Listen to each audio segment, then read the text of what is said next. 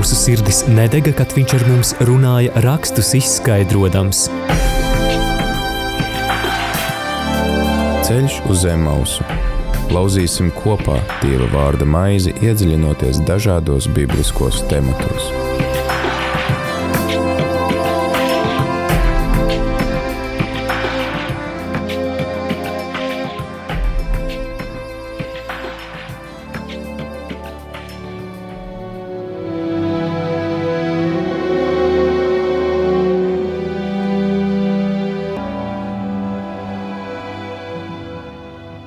Esiet sveicināti, rādījumā arī Latvijas klausītāji. Kopā ar jums ir raidījums Ceļš uz Zemausu. Šovakar kopā ar jums būšu es, diakons Gatis Savotiņš, lai kopā ar jums iedziļinātos Dieva vārdā, kuru šovakar lasīsim, un kopā pārdomāsim, lai redzētu, kā tas ietekmē arī mūsu dzīvi šodien. Neskatoties uz to, kā raidījums tiek ierakstīts, aicinu arī jūs piedalīties šajā raidījumā, rakstot uz Radio Marija īziņām uz numuru 26 677 272, lai dalītos savās pārdomās vai pieredzē, vai tas, kas šajās raksta vietās jūs īpaši uzrunāja vai radīja pārdomas. Varbūt ir radušies arī kādi jautājumi, uz kuriem kopīgi mēs arī varētu mēģināt rast atbildes. Pagājušajā reizē mēs lasījām skaitļu grāmatas 34 nodaļu un pieskārāmies arī 35. nodaļai, kurā izskatījām šīs nodaļas sākumu par Levītu pilsētām un sākām pārdomāt, kas īsti ir patvēruma pilsētas, par kurām mēs varam lasīt skaitļu grāmatas, jeb ceturtās mūzus grāmatas 35. nodaļā no 9. panta. No 9. panta līdz 15. pantam tieši par patvēruma pilsētām. Un ar šo tēmu arī šodien mēs uh, sāksim uh, šīs dienas raidījumu, turpinot jau pagājušajā reizē iesākto.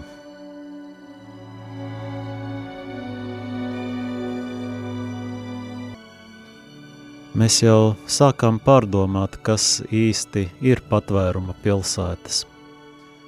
35. nodaļas 11. pantā mēs lasām.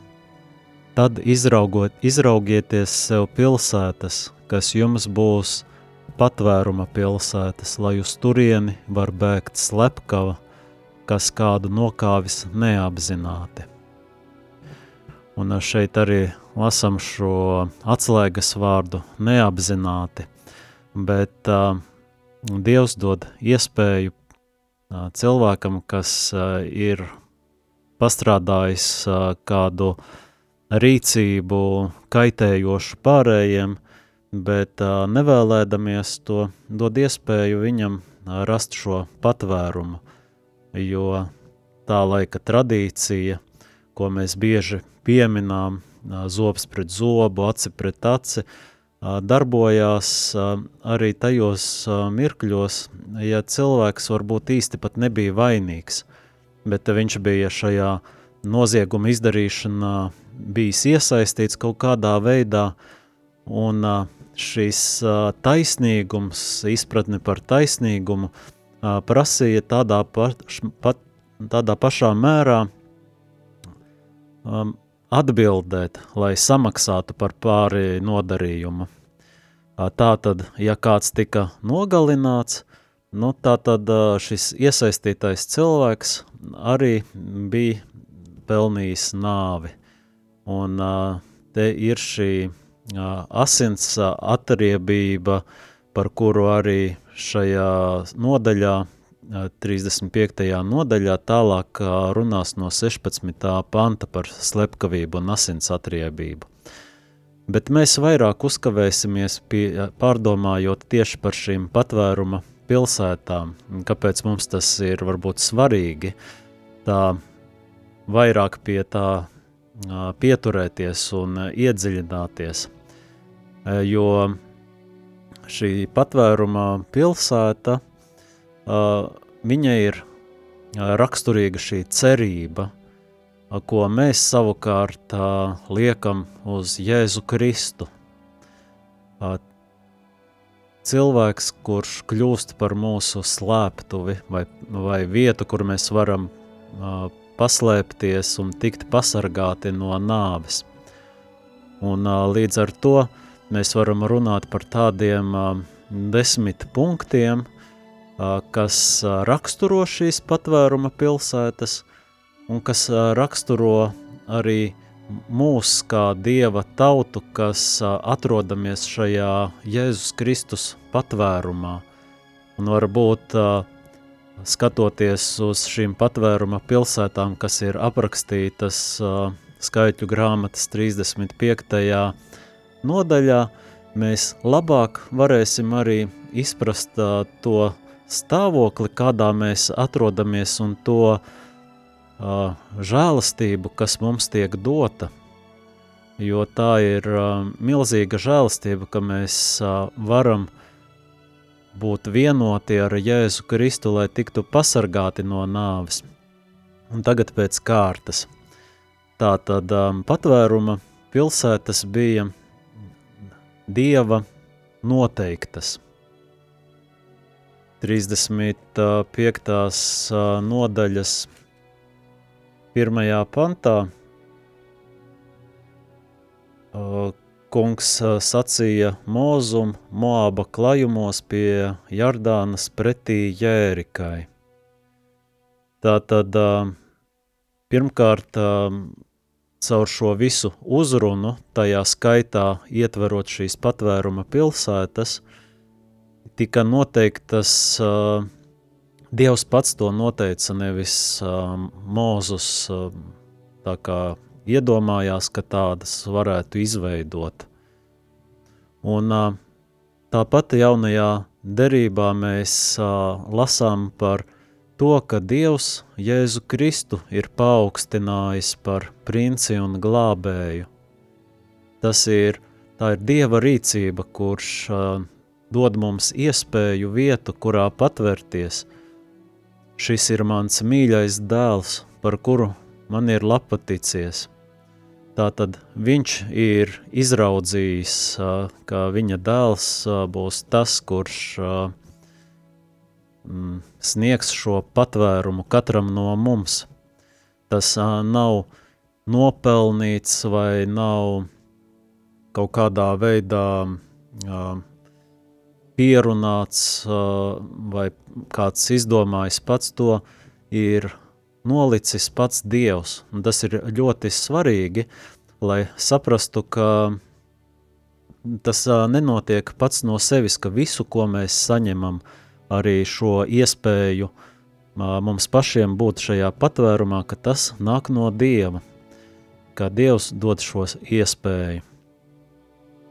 Tad kā otro punktu mēs varam minēt to, ka Šajā skaitļa grāmatā Levīti bija atbildīgi par šīm svētajām lietām saistībā ar Dieva pielūgšanu, un ka viņi var pārstāvēt Dievu. Um, attiecībā uz Kristu mēs arī varam runāt par to, ka viņš ir tas, kurš pārstāv Dievu no vienas puses, nākot pretī mums, bet tai pašā laikā uh, viņš arī pārstāv mūs. Viņš ir kā mūsu aizstāvis, kas pasargā no tā visa, kas uh, mums ir apkārt no grēka, kas ved uz nāvi. Uh, trešais punkts, ko mēs varam secināt par šīm patvēruma pilsētām, ka tās ir uh, noliktas uh, slepkavām. Um, 35. nodaļas 6. pantā mēs varam lasīt, uh, ka šīs sešas patvēruma pilsētas, kur atļauts bēgt slepkavām. Ja?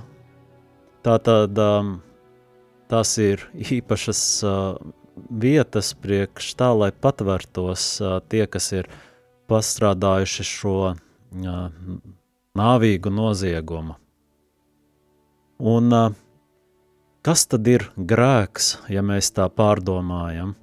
Jo grēks jau arī ir tas, kas ved uz nāvi, un praktiski izdarot grēku, mēs arī kļūstam par slepkavu, jo mēs paši sevi uh, nonāvējam, atgriežam prom no šīs uh, būšanas uh, mūžīgajā dzīvībā. Un uh, uh, varbūt savā veidā ar savu uzvedību vai savu rīcību uh, grēkojot, uh, mēs pamudinam vai virzam arī kādu citu iet šo nāves ceļu, un uh, kļūstam par tādiem dvēseļu slepkavām, cilvēku slepkavām. Un tieši tāpēc ir svarīgi apzināties, ka mēs šajā stāvoklī, uh, ja esam ārpus Dieva, mēs esam uh, nepasargāti, mēs esam pakļauti nāvei. Un tikai tad, kad uh, mēs uh, atrodam savu patvērumu Jēzu Kristu, um, apzināmies to, ko nu, kādi mēs esam un uh, uh, apzināti speram šo soli šajā patvērumā, tad mēs tiekam pasargāti.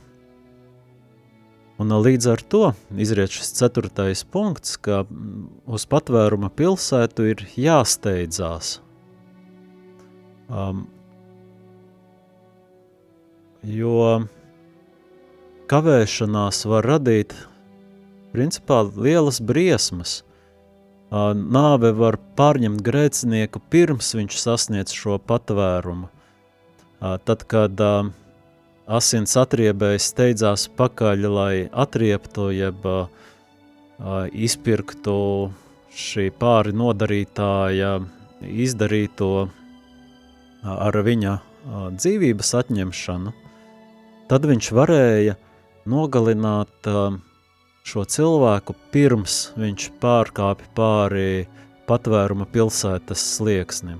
Bet tiklīdz viņš ir šis cilvēks, kurš steidzās, lai glābtos pārkāpis pāri slieksnim, tā viņu vairs nevarēja aiztikt.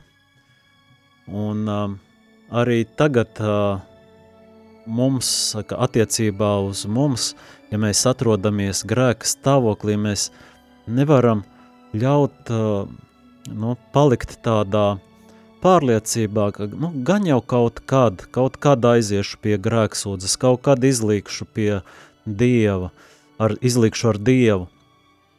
Um, mums būtu no šī uh, svēto rakstu fragmenta jāņem šis piemērs un apziņa, ka jāsteidzas, nemitīgi jāsteidzas um, atbrīvoties, ja mēs netīšām esam ar grēku izgājuši ārpus šī mūsu patvēruma, ārpus šīs vienības ar Kristu, ar, ar Dievu, tad mums steigšus jāskrien atpakaļ. Un mēs to varam darīt caur šo grēksūdzi, caur grēksūdzes sakramentu, caur pilnīgu nožēlu. Mēs atpakaļ ienākam šajā mūsu patvērumā, kas ir Jēzus Kristus. Un līdz ar to tas izriet nākamais piektais punkts, ka šī patvēruma pilsēta aizsargāja pret šo likumīgo atriebēju.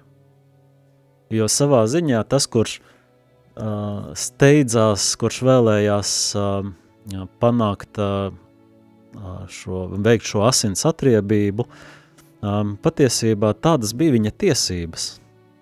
Tāds ir nu, likums, dots pret dotu, ar, jāsamaksā ar līdzīgā veidā ar par to pāri nodarījumu, kas tika nodarīts. Un, uh, un viņi savā veidā pārstāv šo likumu, jo tas reprezentē arī tādu taisnību. Um, pretējā gadījumā, um, ja varētu izvairīties no taisnīga sprieduma, no taisnīga soda, tad uh, nevarētu runāt arī par kaut kādu um, apziņas veidošanu, par um, tādu paklausību, par uzmanības pat piesaistīšanu. Un šeit mēs, protams, arī varam pārdomāt par to, vai tāda burtiska likumu pildīšana, ievērošana glābi mūs.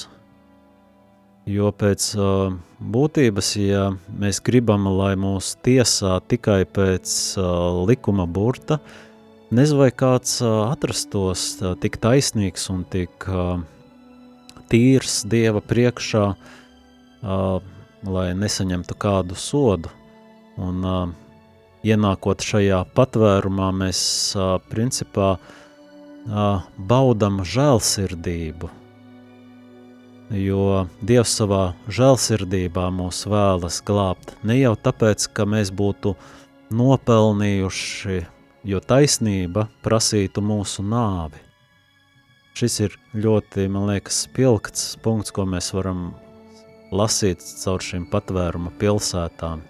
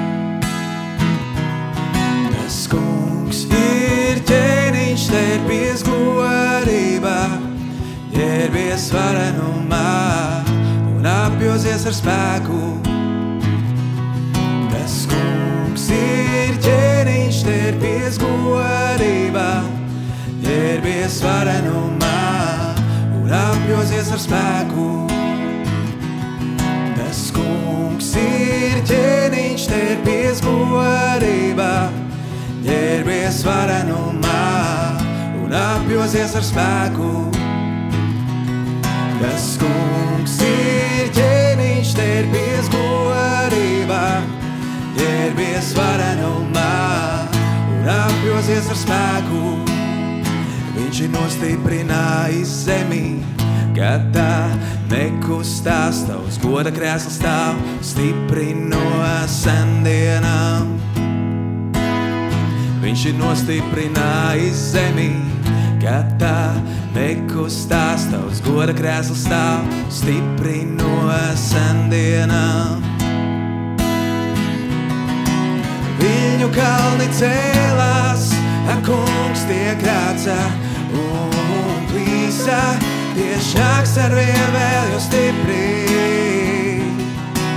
Viņu kalni cēlās, kungs tiek rāca un plīsa, tiešāks ar vien vēl stipri, bet varenāks par lielo ūdeņu krākšanu, varenāks par jūras bangām, ir tas kungs savos debesu augstumos, bet varenāks par lielo ūdeņu krākšanu, varenāks par jūras bangām, ir tas kungs savos debesu augstumos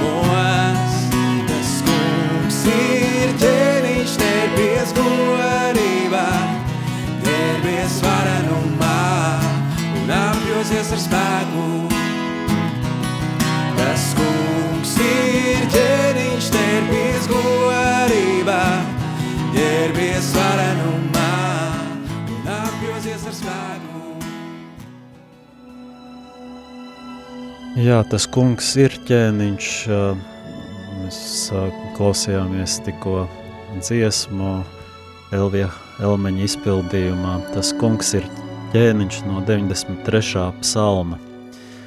Un uh, pirms uh, šīs uh, muzikālās pauzītes nelielās mēs uh, runājām par šīm patvēruma pilsētām un izskatījām piecus punktus, um, kā šīs patvēruma pilsētas var mums uh, palīdzēt uh, labāk izprast mūsu patvērumu Jēzu Kristu. Un tālāk arī turpināsim vēl ar pieciem punktiem – Tātad šīs patvēruma pilsētas bija noliktas jeb izvietotas ērtās vietās. Principā viņas bija vienmērīgi izvietotas pa visu zemi, lai būtu viegli sasniedzamā attālumā un atradās labi redzamās vietās, lai uh, varētu uh, viegli redzēt no attāluma. Um, Viņiem uh, bija arī uh, šis ceļš jāuztur uh, katrai ciltī, kurā atradās uh, šīs pilsētas, bija jāuztur ceļš uh, ļoti labā stāvoklī, lai patvēruma meklētājs, jeb tur, tas, kurš steidzās, lai gūtu šo patvērumu, lai, viņš, lai viņu nekas nekavētu, jo no tā bija atkarīga viņa dzīvība. Un, tas, protams, liek mums um, aizdomāties par to, kā mūsdienās cik redzami un viegli ir atrast šo patvērumu um, pie Jēzus baznīcā, vai mēs esam tik atvērti, viesmīlīgi uh, un uzņemoši un uh, ļaujam cilvēkam atrast šo patvērumu, uh, kurš varbūt kaut kādā mirklī nesaprot, vai, vai viņš te var rast patvērumu baznīcā, vai nevar, vai, un, un tad no mums ir atkarīgs no tā, kādu mēs ceļu viņam parādam, vai mēs šo ceļu ar savu dzīves piemēru, ar savu attieksmi uzturam kārtībā, jo šis ceļš pie Jēzus Kristus nāk caur mūsu liecību, caur mūsu dzīvi, caur to, ka mēs pasludinām Dieva vārdu. Tātad šim pasludinājumam jābūt tādam, kas iedrošina, kas parāda ceļu, kas ļauj atrast patvērumu tam, kurš to meklē. Tātad jebkuram cilvēkam, kurš ir ārpus šī patvēruma. Mēs saprotam, ka ārpus uh, Kristus uh, visi atrodas uh, briesmu stāvoklī. Jā, no šī atkal izriet šis nākamais punkts, ka šī patvēruma pilsēta ir atvērta visiem. Un jebkuram katru, kas kādu nogalina. Tātad 35. nodaļas 15. pantā. Gan Izraēla dēliem, gan svešiniekiem, gan tādam, kas pie tiem apmeties šīs pilsētas, lai ir patvērums, lai uz turieni var bēgt ik viens, kas nogalinājis neapzināti. Redziet, jau pat šeit uh, mēs varam saskatīt uh, šo universālo aicinājumu. Jebkurš ir aicināts uh, meklēt patvērumu Kristu. Tas nav tikai kādai izradzētai tautai vai kādai noteiktai cilvēku grupai. Jebkurš ir aicināts, jebkurš ir jebkuram ir iespēja rast šo patvērumu pie Jēzus.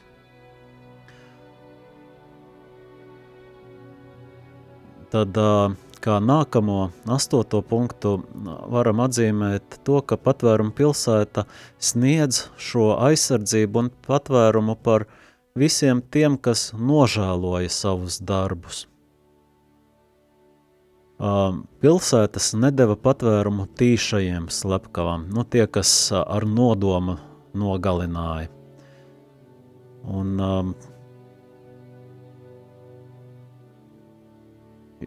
tā tad šī patvēruma vieta bija tiem, kas nogalinājis neapzināti. Un te, protams, mēs varam runāt, šodien mēs varam runāt jau izprotot to, ka šī tīšā nogalināšana ir apzināta atteikšanās no Kristus, no sekošanas viņam, un vēl vairāk apzināta vešana projām no viņa. Un nenožēlojot savu rīcību, savus grēkus, nav iespējams dabūt šo patvērumu. Devītais punkts jau daļai mēs jau pieskārāmies tam, ka šīs patvēruma pilsētas ir taisnīguma un sprieduma vietas. 35. nodaļas 24. pantā lasam, tad lai sapulce iztiesā starp sitēju un asins atriebēju pēc šīs tiesas. Tā tad tas, ko mēs šodien redzam mūsu attiecībās ar Kristu, ka viņš nāca šai pasaulē, lai ieņemtu mūsu vietu, lai izpirktu katra cilvēka šo grēka radīto sodu, jo grēka alga ir nāve, nu, tas ir taisnīgums, no kā izbēgt nav iespējams. Un Dievs, lai arī varētu to neievērot, taču viņš nav tāds, kurš savas iegribas dēļ vienkārši izdomāt, ka tā nevajag. Viņa, viņa būtība ir mīlestība, bet tas ietver šo taisnīgumu. Mīlestība nevar būt uh selekcionāra, tāda izvēlīga. Viņa ir pilnīga, un līdz ar to tas ietver arī šo taisnīgumu. Un, lai mēs šajā patvērumā vietā Kristu varētu tikt glābti, varētu būt atbrīvoti no šīs soda, grēka algas, tad Kristus stājas mūsu vietā, lai saņemtu šo sodu, un viņš izpērk mūs uh, uz visiem laikiem. Uh, viņš ievēro šo taisnību un uh, mīlestības uh, vārdā uh, nāk un uh, stājas mūsu vietā. Un kā pēdējo punktu par patvēru pilsētām varētu minēt arī, ka nu, tāds fakta konstatējums, ka šī ir tāda slepkavu uzturēšanās vieta. Un šajā vietā viņi uzturās līdz augstā priestera nāvēja.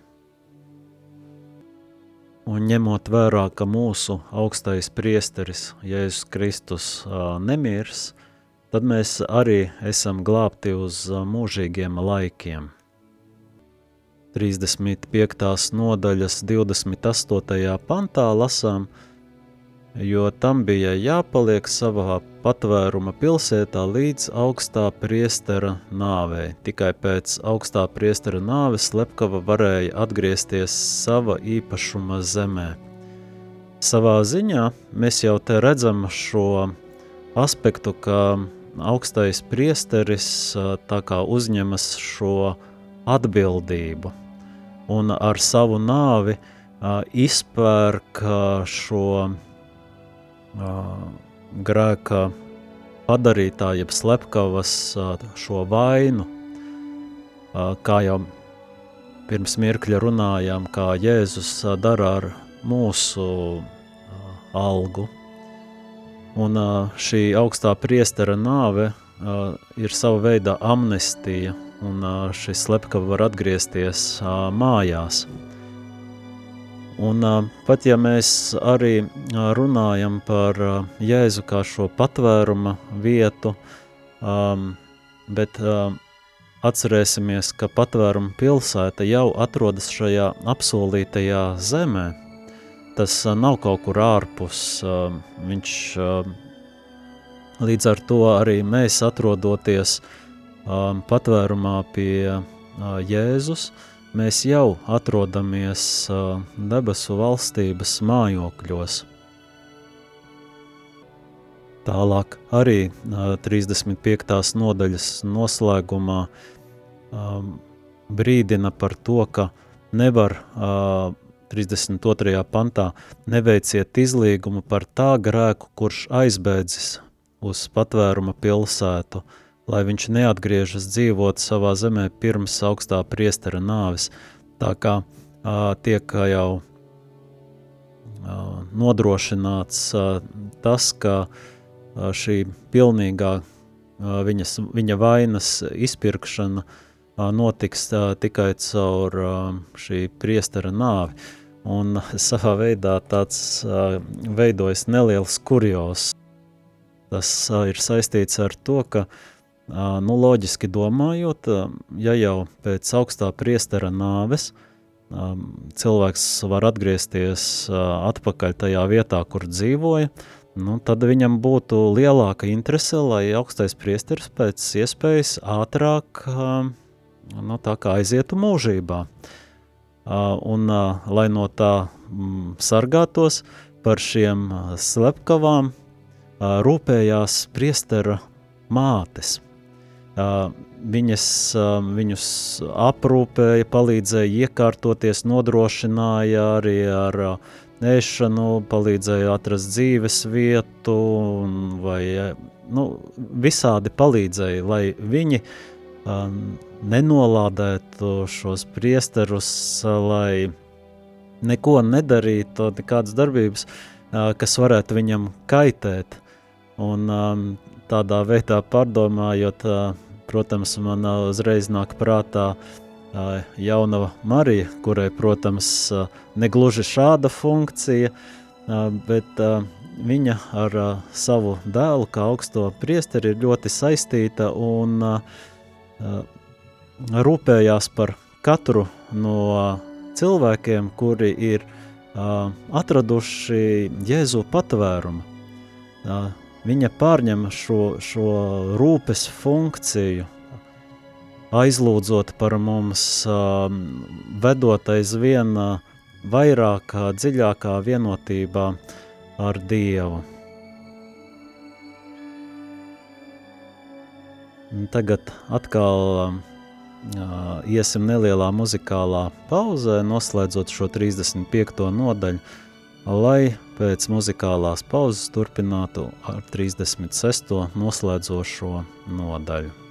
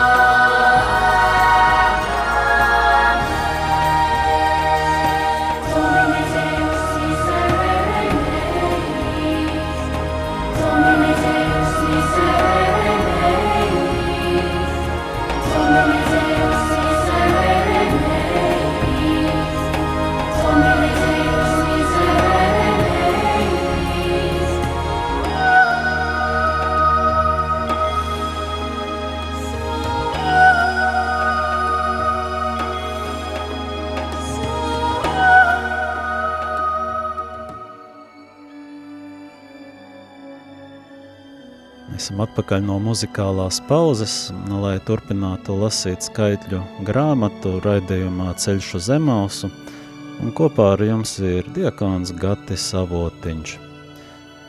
Pirms šīs muzikālās pauzītes mēs pabeidzām lasīt skaitļu grāmatas, jeb 4. mūzes grāmatas 35. nodaļu, Un tagad jau esam pienākuši pie šīs grāmatas pēdējās 36. nodaļas, kas runā par mantojumu saglabāšanu laulībās. Jo jau iepriekšējās nodaļās, kad uh, lasījām um, par uh, īpašuma sadalījumu, arī tika pieminēts kāds um, tāds īpaša veida apstāklis par uh, šīm Celofhāda meitām, uh, kurām um, uh, meitas, kuras, kur, nu, dzimtā, kurā nebija dēlu, lai nodotu tālāk šo mantojumu. Un tad varēja rasties uh, šis, um, šīs briesmas, jeb uh, iespēja, ka no kādas citas cilts um, aprecēs šo kādu no meitām un viņa ciltī īpašumā pārnāktu līdz ar šo meitu visi īpašumi. Bet um, tādā ziņā Dievs tomēr arī bija paredzējis tādu taisnību savā veidā, lai uh, nerastos šāda veida sacensības un mēģinājumi caur uh, laulībām uh, kaut kādā veidā pārņemt uh, citas cilts īpašumus, jo šie īpašumi tika sadalīti. Atcerēsimies, mēs lasījām par to, kā viņi tika sadalīti lozējot, tā lai būtu taisnīgi, katram pēc viņu spējām un vajadzības. Uh, Un šie apgabali bija dažādi. Vieni ar vairāk kalniem, citi līdzenumiem, citi pie ūdeņiem. Un, lai nebūtu tāda savstarpējā cenšanās vienu otru īpašumus iegūt, ko Dievs ir devis mantojumā, ne jau viņi paši izvēlējās. Tad arī šajā nodaļā tiek savā veidā noteikti tādi noteikumi, uh, par šīm laulībām un šo izņēmuma gadījumu, ka šīs meitas, viņām bija noteikts, lai viņas laulātos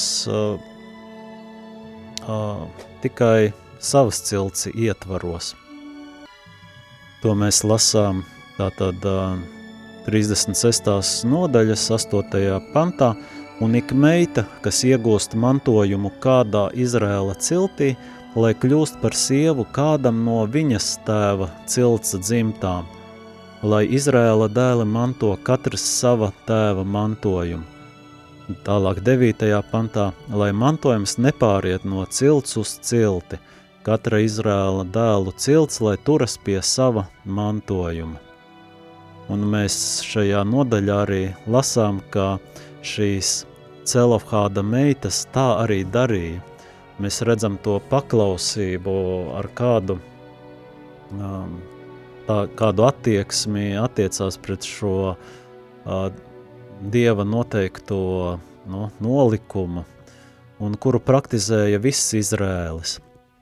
Un uh, viņu mantojums jau arī bija tieši šis uh, rezultāts viņa paklausībai. Un, uh, tāda kā pamatmācība visā skaitļu grāmatā. Tādējādi neviens Izrēla dēla mantojums netiks nodots no cilts uz cilti, un tas saglabā šo taisnīguma principu, ka katram paliek tas, kas viņiem pienākas, ka nevalda šī alkatība savā starpā un necenšas iegūt kaut kādā veidā citas cilts mantojumu. Tā tad, atskatoties uz skaitļu grāmatu, ko mēs varam secināt, redzam, ka pēdējiem notikumi, visi saistīti ar šo pirms ieiešanas apsolītajā zemē, kas notiks vēlāk pēc tam Jozo vadībā, atrodoties pretī Jērikai, un uh, varējām atcerēties par to, kas notika, kas bija nepieciešams, lai Izraēļu tautu aizvestu no Ēģiptes līdz šai vietai, kas bija nepieciešams no viņu apmetnes Sinaja kalnā, kad Dievs no deva iespēju izaugt Izrēlim no tādas verga tautas, lai kļūtu par tautu, kas piemērota Dieva apsolītai zemē. Viņš mācīja viņiem uh, sakārtoties, pārveidoties, attīrīties, un uh, tika doti, dotas iespējas un uh, visi instrumenti, lai viņi virzītos uz šo apsolīto zemi. Viņš viņus svētīja, atgādināja par to, ka viņi ir atbrīvoti no šīs verdzības, un uh, Dievs bija nemitīgi klātesošs šai tautai. Un uh, savā tūkstneša ceļojumā viņi cīnījās ar šiem miesas kārdinājumiem, viņi kurnēja, sūdzējās, sacēlās, uh, bet uh, šajā ceļojumā šai neticības paudzei bija jāiet bojā tuksnesī. Un apmēram 38 gadus Dievs vadīja tautu pa tuksnesi, izturot vairākas sacelšanās un tādas kurnēšanas epizodes, bet būtībā gaidot, lai šī neticīgā paudze nomirst. Kas, un, un izaug šī jaunā paudze, kas bija gatava uzticēties Dievam par lielām lietām un sasniegusi sava veida briedumu. Un te mēs, protams, varam arī skatīties uz cilvēci kopumā, uz to, ka um, īstajā laikā Dievs nāca pasaulē, kad um, cilvēce bija nobriedusi, lai viņu uzņemtu. No vienas puses šķiet, ka uh, kāds tur īstais brīdis, kad daudzi viņu nespēja jā, atpazīt, un ka šī nākšana pasaulē Jēzum bija ļoti klusa, necila, tāpat arī visi tie pārbaudījumi, kas viņam bija jāizcieš, bet ja mēs aizvien vairāk pārdomājam šīs viņa dzīves epizodes, saprotam, ka tas bija īstais brīdis, kad viņam nākt šajā pasaulē. Tas bija laiks, kad viņš varēja visvairāk atklāt šo dieva mīlestību uz cilvēku un uh, ievest apsolītajā zemē. Diemžēl daudzi kristieši arī šobrīd uh, vairāk dzīvo tuksnesī, uh, nevis gatavi ieiet šajā apsolītajā zemē. Un iespējams, ka daudzi pat um, līdzīgi pēc šī analoģijas principa mirst tuksnesī, jo nespēja uzticēties Dievam līdz galam.